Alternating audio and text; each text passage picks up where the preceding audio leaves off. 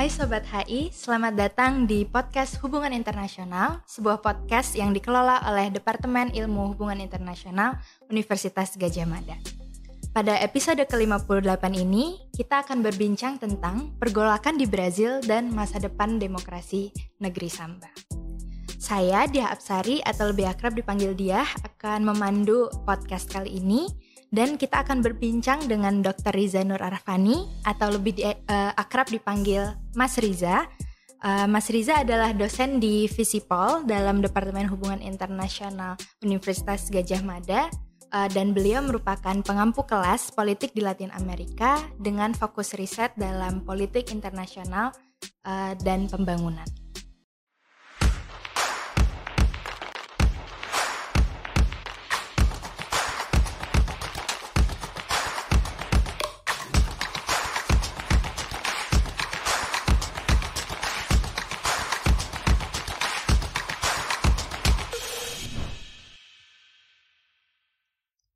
Nah, teman-teman, melihat pergolakan domestik di Brazil pasca diangkatnya Lula da Silva sebagai presiden, menjadi menarik untuk membahas beberapa poin ya dalam fenomena ini. Yang pertama, kita akan membahas mengenai status quo demokrasi di negeri Samba, eh, lalu akan dilanjutkan dengan konteks yang melatar belakangi eh, kegaduhan domestik eh, di Brazil dan kaitannya dengan konteks demokrasi global dan juga regional serta dampaknya pada masa depan demokrasi Brazil dan Latin Amerika. Nah, tanpa berlama-lama, mari kita menyapa narasumber kita dan uh, memulai podcast ini. Selamat siang, Mas Riza. Selamat siang atau sore atau malam ya, atau pagi. Sobat HI di mana-mana. Ya, baik. Um, kita akan memulai langsung ya, Mas ya. Riza, dengan pertanyaan pertama. Hmm Uh, sebenarnya apakah Mas Riza bisa menjelaskan ada apa uh, dengan demokrasi Brazil saat ini? Kalau dilihat bagaimana uh, pergolakan ini terjadi sejak paling kurang tanggal 8 ya Januari hmm. uh, kemarin, sebetulnya kita bisa merujuk ke peristiwa-peristiwa politik dan juga ekonomi ya di Brazil sejak tahun 2013. Jadi sejak ada semacam perdebatan mengenai uh, efektivitas rezim politik di Brazil ketika berkaitan dengan eh, elemen-elemen uh, ekonomi atau aspek-aspek ekonomi. Ada pertanyaan mendasar di uh, seputar tahun itu ya apakah rezim yang selama ini dikembangkan, rezim politik yang dikembangkan di Brazil itu sudah sejalan dengan kebutuhan Brazil untuk paling tidak keluar dari middle income hmm. trap, gitu, jebakan uh, negara uh, menengah gitu, negara berpenghasilan menengah. Dan apakah uh, bergantinya kepemimpinan itu sudah cukup menjamin mereka uh, bisa terlepas dari jebakan itu? Nah, memang yang menjadi persoalan adalah sejak 2010, 2011 ada pelambatan ekonomi yang eh, cukup nampak ya dalam uh, ekonomi Brazil. Sehingga ketika uh, penerus Lula da Silva um, itu dilantik, uh, Dilma Rousseff ya, yang merupakan calon yang memang di endorse oleh Lula, ada banyak pertanyaan mengenai efektivitas itu. Dan kita tahu kemudian ini berakhir dengan semacam uh, dalam tanda kutip ya polarisasi dalam perpolitikan uh, Brazil. Lebih spesifik sebetulnya polarisasi ini mempertanyakan uh, rezim yang selama ini um, dipengaruhi oleh ide-ide sosialisme atau ide-ide kiri di di Brazil. Terutama sejak tahun 2000-an ya. Kita tahu ada gelombang merah muda yang menyapu hampir seluruh daratan um, Amerika Latin. Dan Brazil tidak terkecuali dari itu. Dan sosok utamanya adalah tentu saja Lula da Silva yang uh, um, baru beberapa bulan ini ya di, dilantik menjadi presiden kembali di Brazil. Jadi runutannya sampai ke sana. Dan um, saya kira latar belakang itulah yang kemudian menjadikan terpilihnya Jair Bolsonaro di tahun 2000 18 ya. Pemilunya sejak 2017 tapi 2018 um, dia terpilih menjadi uh, presiden Brazil menjadi semacam um, kalau kita boleh uh, bilang political catalyst untuk um, uh, polarisasi yang sudah sedemikian um, akut dalam politik uh, Brazil. Sebagai katalis tentu saja um, sosok Jair uh, uh, Bolsonaro uh, menarik untuk um, kita bahas lebih lanjut siapa beliau uh, dan bagaimana uh, beliau memaknai uh, polarisasi itu dan dan dan seterusnya. Kalau dilihat um, secara umum, memang nampak um, kecenderungan uh, yang terjadi di Brazil sejak Bolsonaro naik ke tampuk kekuasaan, hampir sama dengan yang terjadi di berbagai tempat yang lain ya di di dunia.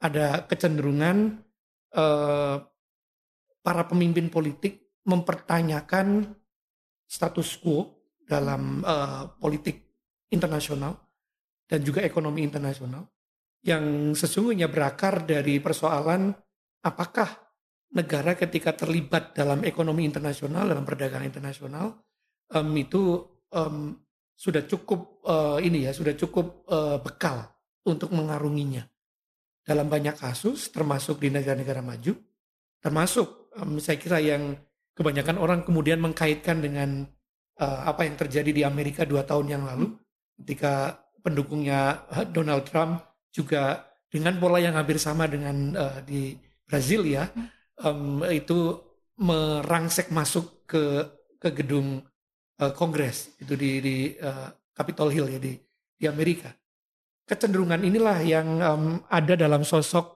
uh, diri uh, uh, Bolsonaro uh, kita melihatnya terutama dari sisi kebijakan-kebijakan uh, politik dan ekonomi beliau um, yang um, sebetulnya anti terhadap uh, kecenderungan umum dalam uh, globalisasi ekonomi, liberalisasi dan seterusnya.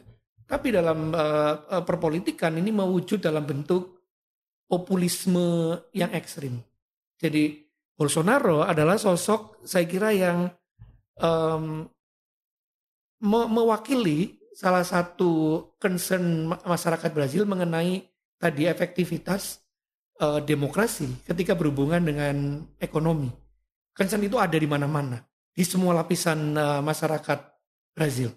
Dan itulah yang kemudian di uh, semacam dikapitalisasi secara politik oleh uh, Bolsonaro dan uh, dia yakin bahwa itulah um, cara yang uh, um, efektif untuk mengembalikan uh, Brazil, ekonomi Brazil ke jalurnya. Dan uh, sayangnya memang uh, persoalan mendasar yang selama ini juga dihantui atau menghantui um, rezim politik yang sosialis atau yang berbau-bau kiri itu di Brazil um, dalam bentuk political corruption korupsi hmm. politik tidak bisa ditangani juga oleh rezim yang kanan seperti yang ditunjukkan oleh uh, Bolsonaro sehingga publik kemudian semakin um, uh, polarized dan pada saat yang sama semakin menumbuhkan political um, distrust ya, hmm. pada norma-norma demokrasi yang sudah 30 tahun ya dicoba ditanamkan uh, dalam uh, uh, politik Brazil. Itu yang sebetulnya uh, mem, uh, memprihatinkan.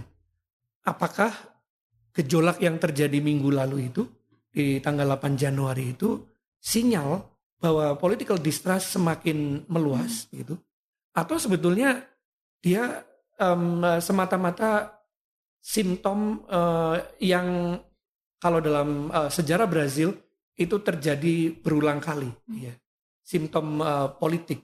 Uh, bedanya sekarang saya kira dari sisi konsolidasi demokrasi saya yakin sudah cukup matang begitu. Uh, terbukti militer yang dibujuk-bujuk untuk terlibat untuk intervene tidak tergoda untuk ke sana kita masih perlu tes ini juga ya. Apakah militer akan tergoda atau tidak. Tapi sejauh ini tidak gitu. Sehingga um, dari sisi itu kita melihat sebetulnya ini simptom yang sebetulnya ada ada obatnya untuk um, kasus di di Brazil. Itu saya kira latar belakangnya um, dia. Uh, dan uh, kita perlu mencermati um, dari hari ke hari uh, paling tidak uh, dalam enam bulan ke depan apa yang akan terjadi di di sana di Brazil itu. Baik, jadi uh, menarik uh, bagaimana Mas Riza sudah merangkum ya hmm. apa yang terjadi dalam demokrasi Brazil akhir-akhir ini khususnya dengan kulminasi acara yang kita lihat pada 8 Januari uh, tahun ini yeah. yaitu adanya uh, pengerengsekan ke yeah. dalam gedung-gedung pemerintah uh, di Brazil oleh pendukung uh, dari Bolsonaro.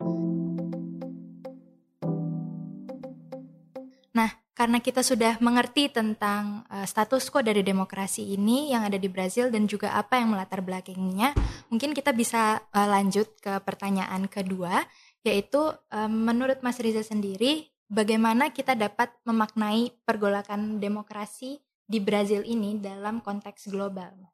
Iya, makna yang paling penting tentu saja adalah soal kepercayaan publik uh, pada prinsip-prinsip demokrasi. Saya kira sejak eh, Samuel Huntington eh, menerbitkan karya yang sangat fenomenal mengenai gelombang ketiga dari demokrasi, tahun-tahun ini adalah tahun-tahun krusial ya. kita mau mengarah ke mana sebetulnya? Apakah kembali ke otoriterisme, ke rezim-rezim yang non demokrasi, atau tidak gitu? Atau um, ini semacam ujian untuk um, demokrasi. Sebelum Brazil, saya kira episode ini sudah terjadi di beberapa uh, negara yang lain, termasuk di uh, ini ya di dedengkotnya demokrasi di di Amerika. Sejauh ini um, kalau kita melihat uh, pengalaman Amerika relatif uh, bisa ditangani dan saya kira publik mulai kembali ke tracknya untuk me memanfaatkan prinsip-prinsip demokrasi yang bisa dilakukan di, di Amerika. Tetapi dalam konteks negara seperti Brazil, negara yang masih uh, berkembang demokrasinya, masih perlu penguatan di sana sini, ini menjadi tes case yang uh, luar biasa gitu. Apa yang akan terjadi di Brazil akan menentukan uh, banyak perkembangan politik di negara sedang berkembang yang lain gitu. Khususnya di Amerika Latin ya. Di Amerika Latin ini um, etalase demokrasi sudah bertahan uh, nyaris dua generasi. Tadi saya sebut 30 tahun untuk Brazil, di tempat-tempat lain um, di Amerika Latin lebih dari itu. Tapi ini bagian dari gelombang uh, ketiganya Samuel Huntington konsolidasi sudah terlihat di uh, di tempat-tempat ini. Pada saat yang sama sebetulnya tes case ini uh, juga sebetulnya berada pada wilayah ketika kita bicara Amerika Latin uh, pertentangan ideologi gitu yang uh, ujungnya tadi polarisasi politik. Sebetulnya ini bukan sesuatu yang baru dalam Amerika Latin. Polarisasi politik yang dasarnya adalah ideologi yang berbeda itu hal yang normal dalam perpolitikan di Amerika Latin hmm. di di mana-mana. Ada kadang-kadang pendulumnya itu begitu uh, apa bergeser ke sebelah kiri. Uh, ketika misalnya kita bicara soal um, munculnya rezim-rezim komunis di uh, Kuba, di beberapa tempat yang lain, sampai um, kita bicara beberapa yang pendulumnya itu bergeser ke kanan gitu ke rezim-rezim yang otoriter secara uh, politik dipadukan dengan uh, bagaimana mereka uh, apa namanya mengadopsi liberalisme begitu di sisi ekonomi. Itu sudah kita lalui bersama. Uh, pada saat yang sama Bandul ini pernah ke tengah begitu uh, dalam bentuk um, pink tide gelombang merah muda merah muda yang tadi kita singgung ya di awal. Um, pergolakan-pergolakan ini sudah uh, hal yang normal dalam uh, perpolitikan di uh, Amerika Latin. Menjadi lebih normal ketika the only game in town-nya itu demokrasi. Sejak tahun 80-an akhir, 90-an awal. Itu menarik sekali. Karena rezim-rezim yang dulu dianggap kiri menggunakan cara-cara demokrasi untuk berkuasa. Um, ini uh, sebuah kalau kita uh, bilang ini new normal ya dalam uh, perpolitikan Amerika Latin. Dan sudah berlangsung um, kurang lebih uh, 10-15 tahun. Sampai kemudian ada insiden uh, di Venezuela um, ketika uh, banyak pihak mengkritik apa yang dilakukan oleh Nicolas Maduro itu akan mengarah ke otoriterisme dan sudah mungkin ya sudah mengarah ke sana um, sudah ada arahan ke sana. Tapi di tempat-tempat lain, saya kira termasuk di Kuba begitu, demokrasi um, sudah menjadi bagian yang tidak terpisahkan. Nah, dengan munculnya pergolakan di Brazil ini memang uh, ini pertanyaannya ya, pertanyaan apakah ini maknanya nanti lebih dalam dari itu. Kalau saya sendiri memaknainya itu sebagai simptom yang sebetulnya ada obatnya. Ada obatnya dalam konteks Amerika Latin. Apalagi Brazil ya. Apalagi sekarang yang naik ke tampuk kekuasaan adalah seorang veteran, seorang political veteran, ya, um, Lula da Silva. Dia pasti akan uh, mengutamakan konsolidasi demokrasi. Dia pasti akan mengingat apa yang sudah dilakukan pendahulu-pendahulunya yang menanam benih-benih demokrasi. Um, Cardoso um, uh, itu um, mentor politiknya uh, Lula da Silva itu akan diingat ya dan saya kira uh, yang harus dilakukan adalah membuat bandulnya kembali ke tengah begitu. Pendulumnya kembali ke tengah. Tidak boleh uh, kita me membayangkan uh, Lula itu akan melakukan hal yang se ekstrim yang dilakukan oleh Bolsonaro. Hmm. Tidak boleh begitu. Hmm. Memang dalam kasus yang 8 Januari ini memang nanti akan ada law enforcement ya. Itu bagian dari demokrasi yang uh, prinsip demokrasi yang harus ditegakkan. Tapi selanjutnya adalah political reconciliation. Itu yang diperlukan. Dan itu akan menjadi pelajaran yang berharga untuk negara sedang berkembang yang lain. Tidak hanya di Amerika Latin, tapi di luar Amerika Latin. Kalau kita kembali ke Asia Tenggara, uh, masih banyak yang perlu memetik pelajaran dari sana. Hmm. Ya, um, ada uh, apa secerca harapan um, di Malaysia ya dengan munculnya veteran politik juga Anwar Ibrahim uh, Democratic Champion juga gitu. Kita masih berharap itu nanti menular ke Thailand. Harapan yang mungkin agak uh, ambisius mungkin ke Myanmar tapi uh, itu yang ingin saya tunjukkan bahwa pada level global apa yang terjadi di Brazil itu sangat sangat penting untuk dicermati lebih lebih jauh dan itu makna yang harus kita um, ambil ya dari peristiwa yang terjadi di minggu lalu dan nampaknya sekarang sudah mulai ada um, resolusi untuk itu. Tinggal bagaimana pemerintah atau rezim Lula ini nanti me, menindaklanjutinya. Itu seperti apa? Yang tadi saya sebut yang diperlukan adalah uh, rekonsiliasi politik. Tidak boleh dibiarkan ini berkembang liar ya polarisasinya itu. Hmm. Baik, uh, menarik juga bagaimana Mas Riza melihat tren di Latin Amerika ya tentang yeah uh, pendulum politik yang ada di Latin Amerika dan bagaimana mereka berusaha berkonsolidasi dengan demokrasi. Um, sebenarnya saya juga sedang memerhatikan Latin Amerika dan melihat bahwa di Peru juga sekarang sedang ada pergolakan, mas, yeah. Iya. uh, karena politik kiri yang berusaha dibawa Pedro Castillo itu pada akhirnya diturunkan oleh hmm. Kongresnya sendiri. Jadi mungkin menarik juga untuk melihat di ke depannya apakah politik kiri yang dibawa oleh Lula da Silva juga akan mengalami tekanan yang sama seperti di Peru dan di negara-negara lain. Itu satu poin yang yeah. nanti akan uh, perlu kita cermati lebih hmm. lanjut, tapi berdasar pengalaman atau uh, track record dari uh, Lula yang uh, berkuasa uh, lama ya di di Brazil di bawah uh, partai buruh gitu uh, maka yang bisa kita harapkan adalah bahwa dia tidak akan menganggap tekanan itu sebagai tekanan yang membuat dia semakin menarik pendulumnya ke kiri hmm. gitu ke arah yang semakin polarized gitu saya berharap um, berharap begitu hmm. supaya nilai-nilai uh, demokrasinya masih bisa dipertahankan political trust dari publik masih bisa di revive, ya, dihidupkan kembali. Dan itu memang nanti berkaitan dengan ekonomi. Hmm. Uh, seberapa Lula da Silva ini nanti bisa merancang tim yang secara um, ekonomi tidak punya kaitan um, apa vested interest gitu yang berlebihan. Uh, seperti yang ditujukan di periode setelah dia tidak berkuasa dan diteruskan oleh Dilma um, ya. Yang tadi saya sebut fenomenanya sebagai uh, korupsi politik.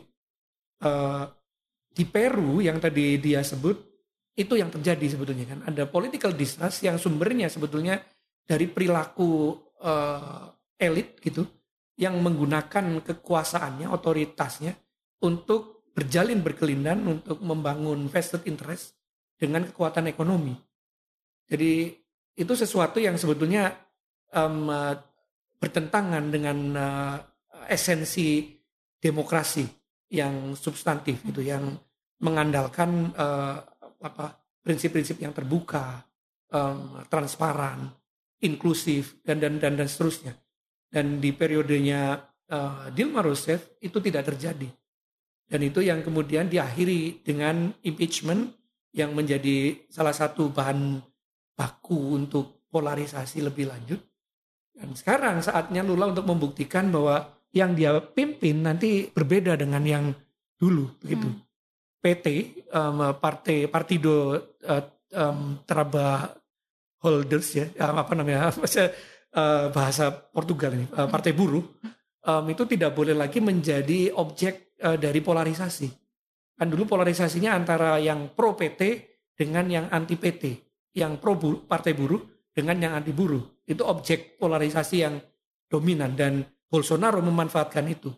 Saya kira sekarang um, tugas para pemimpin Brazil adalah menjadikan uh, itu semua sejarah gitu dan partai buruh harus berubah gitu tidak boleh menggunakan cara-cara yang lama dan itu memang esensinya adalah pengelolaan ekonomi hmm. pengelolaan ekonominya bagaimana kalau mengulang hal yang sama itu yang kita khawatirkan kita khawatirkan akan ada uh, defisit yang semakin mendalam dari demokrasi uh, political distrust yang semakin mendalam dari publik Oke, jadi uh, menurut Mas Riza salah satu obat untuk uh, kejadian yang sudah terjadi dalam demokrasi Brazil itu ada dua, nggih. Yeah. Pertama adalah untuk mengembalikan political trust uh, dalam masyarakat itu sendiri uh, dan Lula punya PR untuk mendorong um, partai-partainya atau partai yang ada di bawahnya untuk menggalakkan political unity begitu ya. agar hmm. tidak um, mendorong polarisasi kembali dan salah satu caranya adalah melalui uh, perbaikan ekonomi ya. begitu.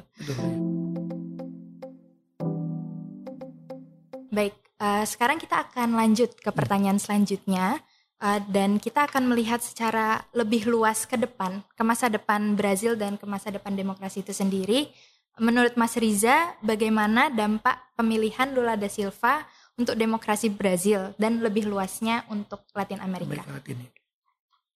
Saya uh, melihat dari sisi positifnya ya, bahwa uh, selemah apa pun rezim politik yang terbangun di Brazil, selemah apa pun um, uh, apa namanya rezim uh, pemilihan uh, di Brazil, tapi pada akhirnya menghasilkan sesuatu, menghasilkan um, uh, Lula yang kemudian dipilih uh, dengan suara mayoritas menjadi presiden uh, uh, kembali di, di di Brazil. Dari sisi itu sebetulnya sisi positifnya adalah publik masih uh, cukup yakin dengan rezim uh, politik di Brazil yang basisnya demokrasi. Uh, sisi positif yang lain uh, ada sesuatu yang saya kira uh, dilihat oleh Bolsonaro sebagai upaya untuk mempertahankan uh, kepercayaan publik yang ya ini masih hipotetikal ya yang dia kemudian menjadikan itu sebagai bagian dari proses uh, peralihan atau transisi kekuasaan secara damai. Dia memang pergi ya setelah itu pergi dan uh, um, memilih ketika Lula da Silva dilantik memilih untuk berdiam di Florida gitu dan menyaksikan dari uh, luar gitu. Uh, tapi sisi positifnya adalah ya walaupun ada pergolakan uh, minggu lalu di 8 Januari itu nampak sebetulnya ada uh, keinginan untuk menjaga jarak dari pendukung-pendukung loyalis-loyalis yang mungkin tidak rasional gitu, yang uh, memanfaatkan um, apa namanya memanfaatkan tema-tema kecurangan pemilu, tema-tema uh, kelemahan uh, sistem uh, pemilihannya dan lain-lain, dan membiarkan transisi politiknya berjalan gitu. Dan sudah sudah terjadi. Nah, tapi memang kan pertanyaannya mengapa tetap ada itu ya, ada apa apa namanya pergolakan peristiwa perangsekan uh, massa ke tidak hanya ke lembaga legislatif tapi juga ke lembaga eksekutif dan juga lembaga yudikatif di Brasilia. Pertanyaan orang kan sebetulnya ini ada apa begitu kan? Dan uh, kalau me melihatnya dari perspektif uh, demokrasi yang sudah berkembang di Brazil, saya kembali kepada uh, asumsi saya bahwa uh, ini simptom yang sebetulnya uh, akar persoalannya adalah uh, ekonomi, gitu. Simptom yang sebetulnya masih bisa ditangani uh, secara uh, uh, politik, gitu. Memang ada pertanyaan lebih jauh menyangkut lembaga kepresidenan di di Brazil itu akan dimaknai akan dijalankan uh, dengan cara apa oleh Lula da Silva. Kita tahu di di banyak tempat di Amerika Latin ada istilah presidensialism ya dalam uh, politik mereka yang menunjukkan bahwa uh, presiden adalah pusat dari segala-galanya. Sehingga sering kali uh, demokrasi itu macet di sana karena secara substantif karena kekuasaan otoritas yang begitu besar tidak hanya secara prosedural tapi juga secara kultural dalam uh, perpolitikan di Amerika Latin. Nah, ini yang sebetulnya jadi PR uh, hmm. tidak hanya untuk Brazil tapi juga um, di banyak tempat di Amerika Latin. Bagaimana mereka men merespon perubahan-perubahan politik ini dengan um, uh, lembaga kepresidenan mereka. Seperti apa yang akan dilakukan gitu oleh mereka. Saya, saya, saya cukup yakin sebetulnya dalam waktu 30 tahun konsolidasi demokrasi sudah terjadi, 30 tahun lebih ya di Amerika Latin. Ada banyak yang bisa kita pikirkan mengenai lembaga kepresidenan di Amerika Latin.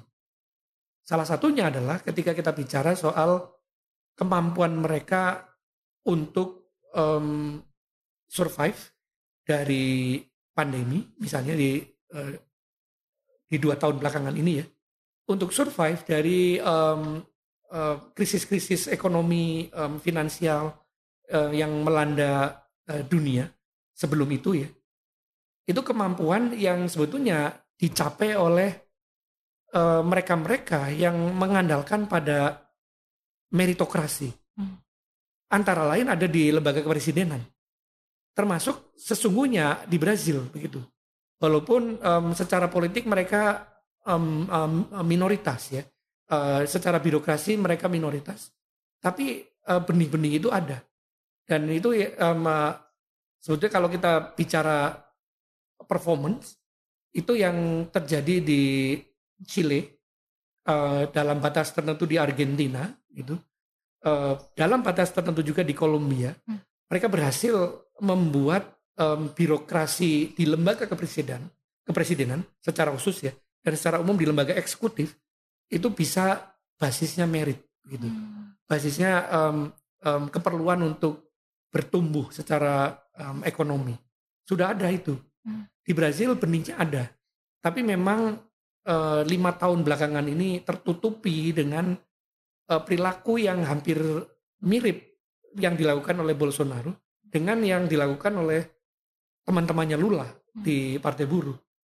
um, mirip dalam pengertian mereka membiarkan komplikasi politik ekonominya terjadi. Hmm. Itu yang uh, um, yang sesungguhnya harus segera ditangani. Dan uh, oleh karenanya uh, kehadiran Lula ke Da Silva kembali ke perpolitikan uh, Brazil ya memang ada yang ada yang apa namanya ada yang ini ya um, cukup uh, sanksi uh, apakah bisa begitu dia berubah uh, tapi saya termasuk yang cukup yakin dia bisa berubah. Gitu. Dia bisa berubah, dia bisa mengubah konstelasi politiknya. Secara internal dia bisa mengubah um, partai buruh supaya lebih rekonsiliatori itu cara pendekatannya, tidak terlalu eksklusif. Uh, dia bisa berubah kalau nanti yang uh, mengomandani uh, apa bidang-bidang ekonomi adalah sosok-sosok yang memang uh, merit gitu, hmm. basisnya merit, uh, basisnya uh, profesional, hmm. bukan um, karena kebutuhan untuk uh, memenuhi uh, konstituensi dari partai buruh, bukan, um, tapi uh, untuk menangani pelemahan uh, pertumbuhan, pelambatan pertumbuhan yang sudah berlangsung um, lebih dari satu dekade di Brasil, dan uh, itu yang tadi saya sebut. Uh, apakah um, akan membiarkan Brazil terperangkap dan um, kembali ke era-era lama? Saya kira tidak ya. Hmm. Uh, berdasar pengalaman saya berbincang dengan teman-teman sesama uh, peneliti dari Brazil, uh, mereka punya semangat uh, untuk membawa Brazil kembali ke track um, ketika Lula da Silva dulu uh, berkuasa yang pertama ya uh, di tahun 2000-an awal dan uh, yang bisa mengkombinasikan antara sisi sosialisme dengan sisi um, liberalisme. Uh, itu kombinasi yang saya kira cukup mumpuni ya sudah dilakukan oleh Lula da Silva meskipun kemudian tadi berujung dengan uh, tragedi dia sendiri uh, tersangkut dalam kasus korupsi sempat dipenjara juga begitu dan um, ini saatnya payback gitu ya hmm. membayar apa yang sudah dilakukan dan menunjukkan kepada masyarakat Brazil dia di hope gitu dia harapan begitu sekarang ini jadi itu yang saya ambil sisi yang positifnya dia itu jadi memang kalau kita lihat sekarang masih banyak pertanyaan ya Mas hmm. tentang bagaimana Lula akan membawa demokrasi Brazil di masa depan. Namun setidaknya Mas Riza sudah merangkum bahwa ada beberapa syarat jika demokrasi memang ingin diperbaiki oleh Lula. Yang pertama adalah jika dia bisa membawa jajaran yang lebih rekonsiliatori khususnya yeah. dalam partai buruhnya dan yang kedua jika dia bisa uh, membuat jajaran politik dan ekonomi yang lebih merit based agar lebih profesional begitu. Uh, dan uh, harapannya adalah jika dua ini terpenuhi, maka demokrasi dalam semangat sosialisme liberalisme yang uh, ingin dicapai oleh Lula bisa dipenuhi juga dan bisa yeah. dilihat buah-buahnya oleh masyarakat Brazil itu sendiri. Yeah. Uh, jadi teman-teman kita sudah banyak berbincang tentang uh, apa yang terjadi dengan demokrasi Brazil saat ini dan juga dampaknya pada uh, Latin Amerika dan lebih tepatnya pada demokrasi global. Uh, jadi teman-teman terima kasih banyak Sobat HI sudah uh, menonton dan mendengarkan podcast Hubungan Internasional episode 59. Uh, sampai bertemu lagi di episode selanjutnya. Terima kasih semua. Terima kasih.